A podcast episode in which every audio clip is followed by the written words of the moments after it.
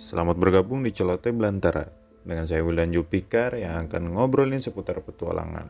Dan di episode kali ini saya nggak sendirian. Saya uh, ditemani oleh beberapa rekan saya yang akan bercerita seputar dunia kepetualangan. Sudah bergabung di sini ada Mang Cibun dari organisasi Geriba Pala dan juga Uut dari organisasi Impala yang sengaja saya hubungi secara virtual untuk diajak ngobrol-ngobrol, temu kangen, dan berceloteh seputar dunia kepetualangan. Jadi selamat mendengarkan.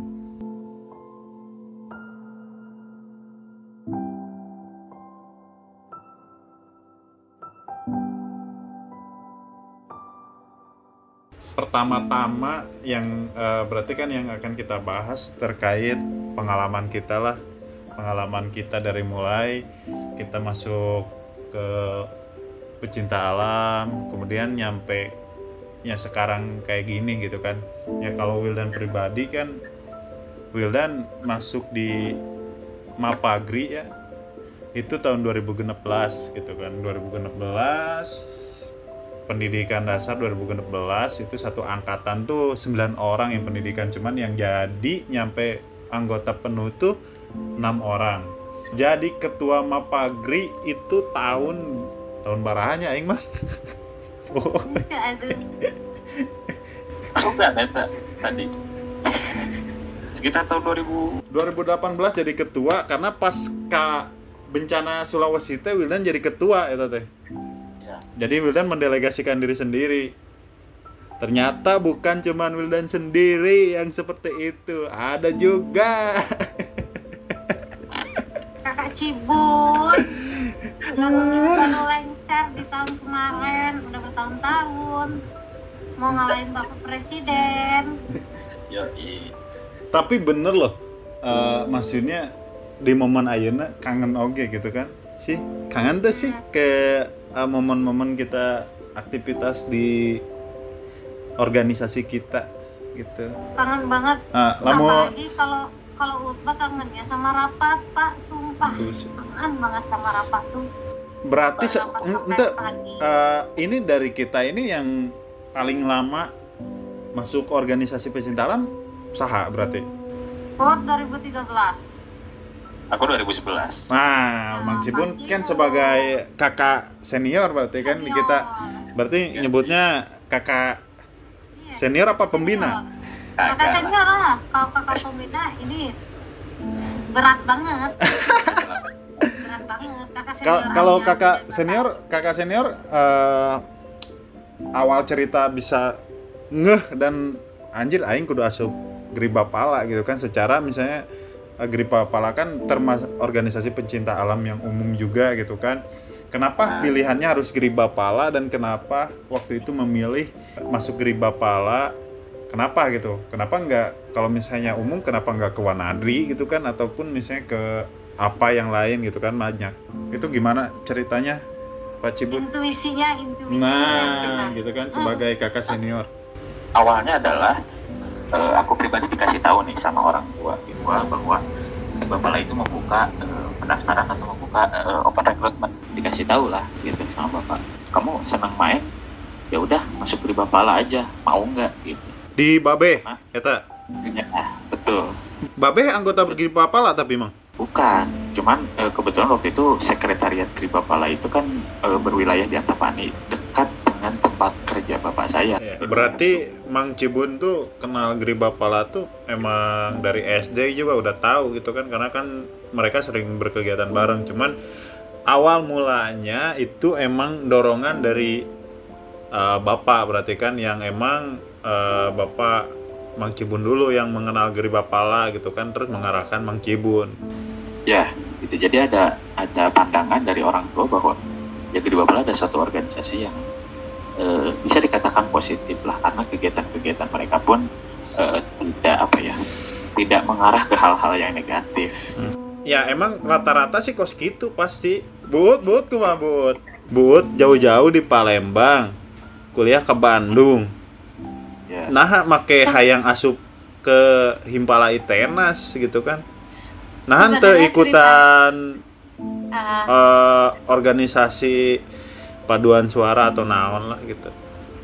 Sebenarnya ceritanya ada di podcast bapak jadi untuk para pendengar coba cek di podcastnya bapak Wildan. Di sini Ut nggak akan mencerita tuh Ah, tap- langsung aja sama Pak Wildan Iya, tapi kan waktu itu Bu Uut kan salah satu yang menarik yang Ulan tangkap ya dari alasan Bu Uut teh? Ah, ah. karena eh, Bu Uut melihat karakter-karakter anggota Himpala yang Ah, unik kan, lebih ke unik sih kan karena kan kita nggak tahu nih unik lah, unik beda dan segala macem Iya. gitu kan. Nah itu, tapi Oke, ah. Wilan tuh masih ngerti Bu Uut. Nah, ha- hanya karena faktor Bu Uut ditita engke nyaho bahwa di Himpala teh hanya ukur ditita gegero nyuci piring Bu Uut nyampe tertarik nyangga orang arek asup Himpala nah gitu apakah ada alasan lain gitu selain eta Untuk alasan yang lain sih sebenarnya nggak ada pak. Alasannya ya cuma itu karena gini loh pak. Pas sebelum ke Himpala kan Uut datang ke unit-unit yang lain ya. Eh, anggaplah unit A, B, C, D gitu kan. Penjelasannya tuh yang memang bener-bener dia tuh menjual organisasinya kayak gimana sih pak?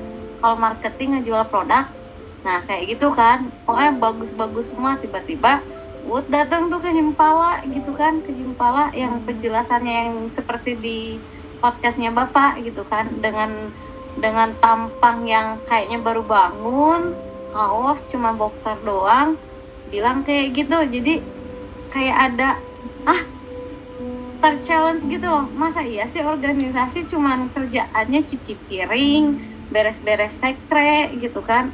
Penasaran aja sih. Terus juga wah ini rada-rada unik nih kayaknya berani. Di situ Ut menyimpulkan ini orang berani banget gitu nggak takut nggak takut nggak ada mahasiswa untuk daftar ke sana gitu loh. Terus ternyata kan pas setelah masuk Himpala kan benar selama satu tahun teh ngagero beres-beres sekre buat kopi Cipun ngalaman tuh bang sering tuh buat kopi ente ente ngalaman gitu bang Aing geus sarua ngalaman, urang geus sarua bu. Iya, biasa biasa pasti nih ya. kalau kalau senior minta tuh ya, dek kopi ikhlasnya mana? Nah itu yang Buset, pertama oh kali. bahasana kopi ikhlas berarti. Ah, kopi ikhlas itu yang pertama kali. Ih, ternyata itu maknanya tahu nggak pak ada maknanya kalau di Himpala tuh. Iya. Kalau senior Wildan biasanya kayak Will, oh kopi ya teh. Ah iya itu. Terus biasanya mau nyobain kopi ikhlasnya dong. Ternyata itu ada maknanya loh pak. Itu salah satu metode proses pembelajaran untuk adik-adiknya. Ternyata kalau di Impala tuh nggak tahu nih kalau di Gribepala sama di Mapagri seperti apa. Apakah itu salah satu metode untuk mendampingin, membimbing adik-adiknya? Tapi bener, bener, emang secara langsung itu teh pembelajaran buat kita gitu. selain selain belajar itu ya buat kopi ya selain belajar disuruh ikhlas itu tuh sama maknanya tuh seperti ini pak Eh, kan kalau di Himpala tuh proses pembinaannya tuh empat tahun ya empat tahun satu tahun anggota muda eh, tahun kedua anggota penuh terus tahun ketiga dan keempat itu pengabdian ya lebih ke kepengurusan nah jadi kan itu kan di- didampingin oleh kakak-kakaknya terus kakak-kakaknya juga kan banyak sesuatu hal yang dikorbankan antara lainnya kayak waktu, tenaga, pikiran sampai ke uang-uangnya pun kakak-kakak kita selalu mengorbankan untuk kita gitu kan. Nah ibaratnya tuh lu nggak bisa ngasih apa-apa buat kakak-kakak lu ya udah aja buat kopi gitu kan. Yang artinya eh, apa sih namanya sebagai ucapan terima kasih gitu loh. Kamu kamu diajarkan untuk eh, apa sih punya rasa punya rasa apa sih maksudnya ya? Gimana ya bang? Coba punya rasa terima kasih loh. Ucapan terima kasih nih untuk kakak-kakaknya yang sudah banyak berkorban untuk mendampingi dan membina adik-adiknya itu teh Bu teh baru ngerti gitu loh Nah, emang benar, Bud.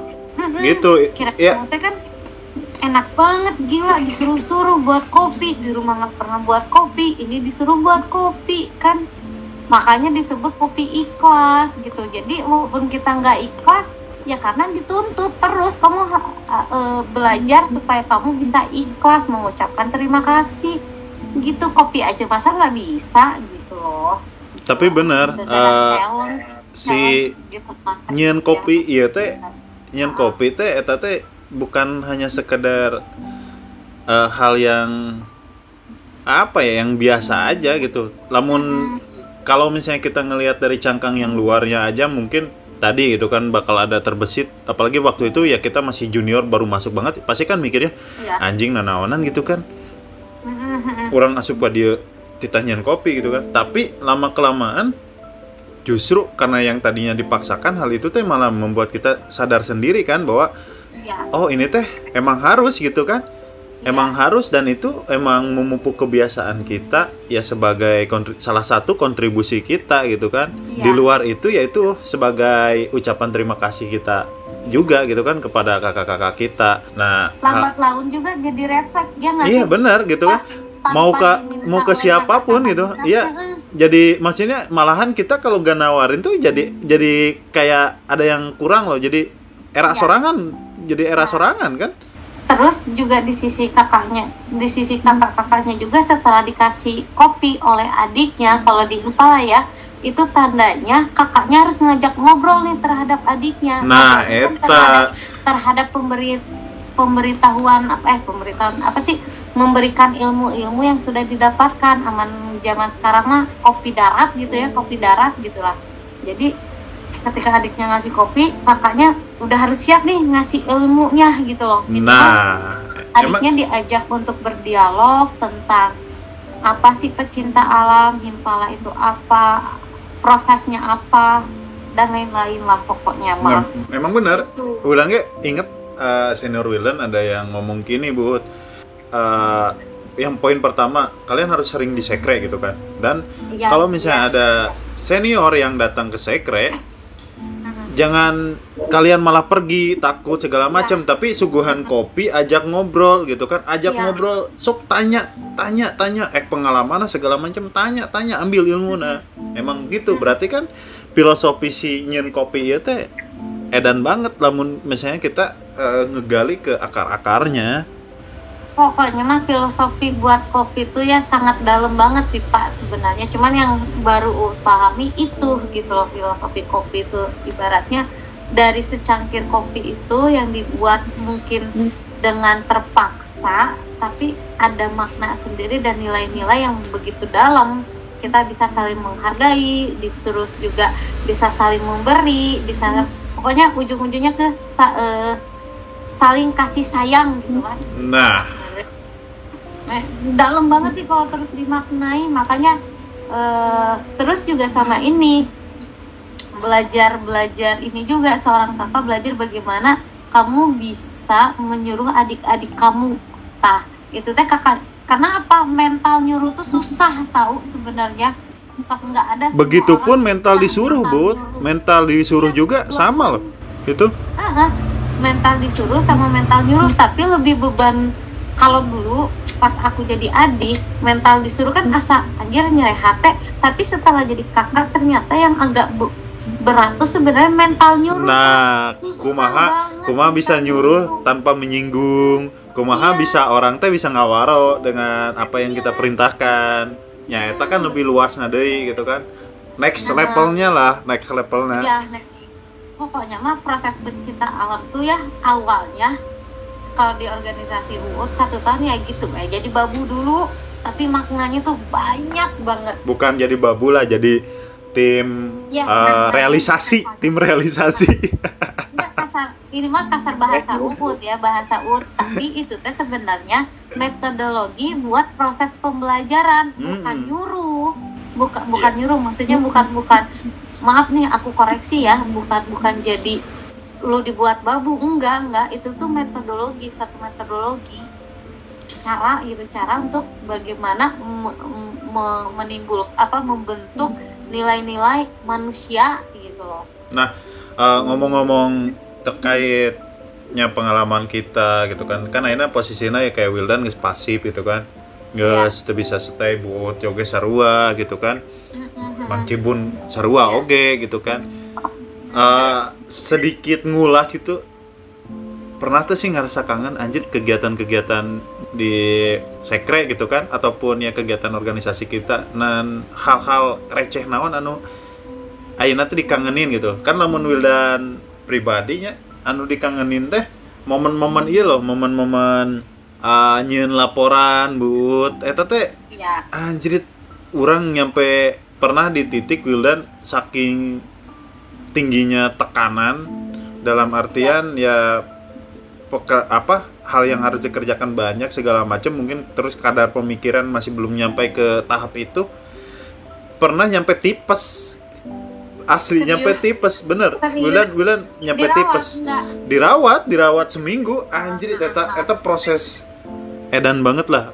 Maksudnya batin kudu banget berarti ya? batin banget pikiran Ah, ah, pisan gitu kan. Maksudnya pikiran pisan nyampe eta tapi lama kelamaan ketika dibentuk dibentuk bentuk bentuk dan nyampe ayana di titik ayana hal-hal eta teh kangen pisan itu kan hal-hal Yang receh juga. nah hal-hal receh juga tadi kan yang kopi atau misalnya gigitaran gitu kan di anjir diharapin sekre gitu kan ya Mang Cibun Yes. Ut anjir sabar ngaliwat ya Mang Cibun kan gaje pisan ya. Ya hal-hal naon sih anu dirindukan ya mun Wilan kos gitu kan? Ya ya, ya. Nah, Bang Cibun gimana Bang Cibun? Kalau aku pribadi ya sejauh ini. Sebetulnya rasa kangen kalau eh, apa konteks terkait tempat atau sis- situasi sih ya gambarnya jujur aku sangat kangen karena walaupun gitu belum belum aku pasif juga belum begitu lama ya gitu dari dari apa dari turun masa jabatan itu. Karena eh, tapi yang jelas gitu di Bapala pribadi atau aku pribadi mengalami hal itu karena di tahun 2013 itu kita yang terbiasa dari 2011 sampai 2013 itu aku pribadi yang kita terbiasa punya sekret kita punya rumah gitu, punya tempat mau sendiri mau banyakan itu itu udah ada tempat udah ada ruang nah di tahun itu dengan istilahnya dengan terpaksa kita harus eh, apa berpindah gitu.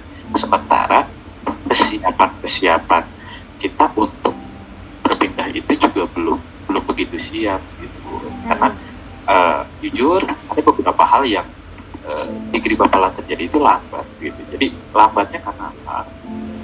Aku pribadi dari mulai muncul di Giri Bapala itu adalah sebagai eh, apa ya angkatan yang harus mungkin membangun kembali gitu ya. Biar kota Edan. terlepas dari recovery non istilahnya pembaruan atau naon bahasa nama Eh, karena gini dari angkat satu angkatan yang atas aku itu itu cukup jauh jaraknya gitu.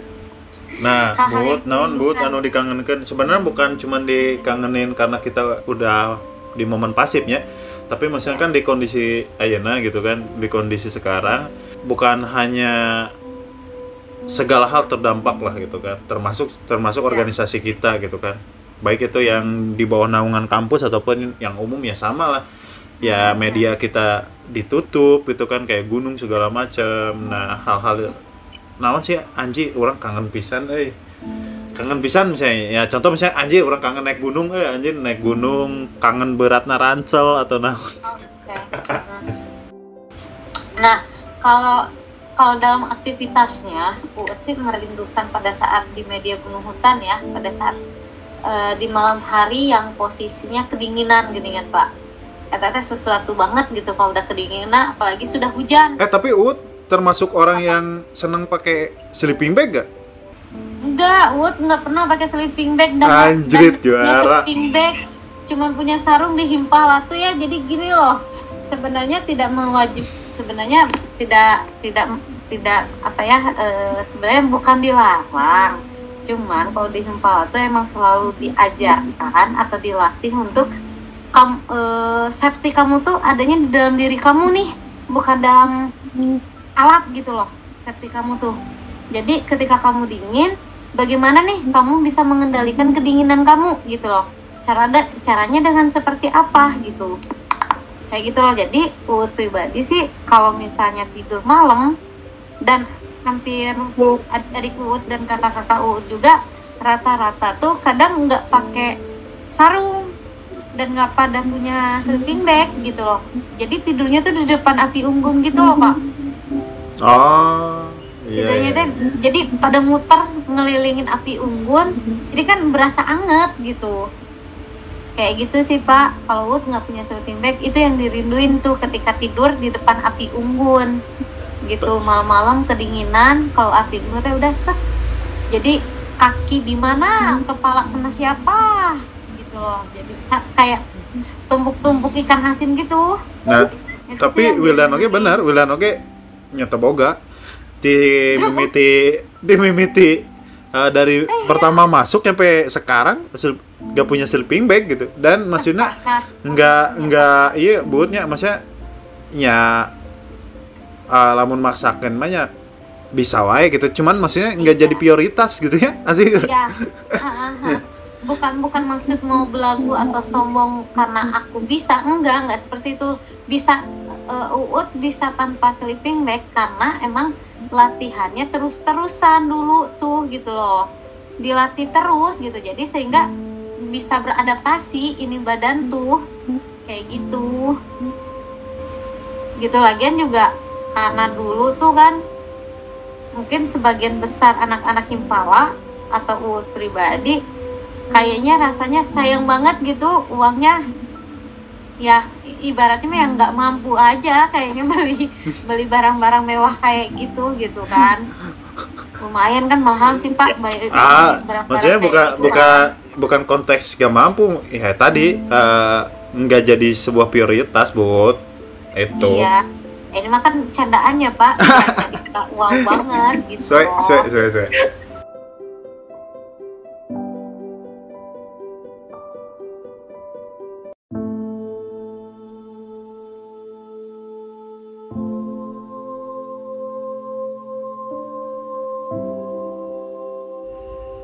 Terima kasih buat kalian yang sudah mendengarkan celoteh belantara. Tunggu kelanjutan celoteh seputar dunia kepetualangan di pos pendakian berikutnya. Salam Lestari.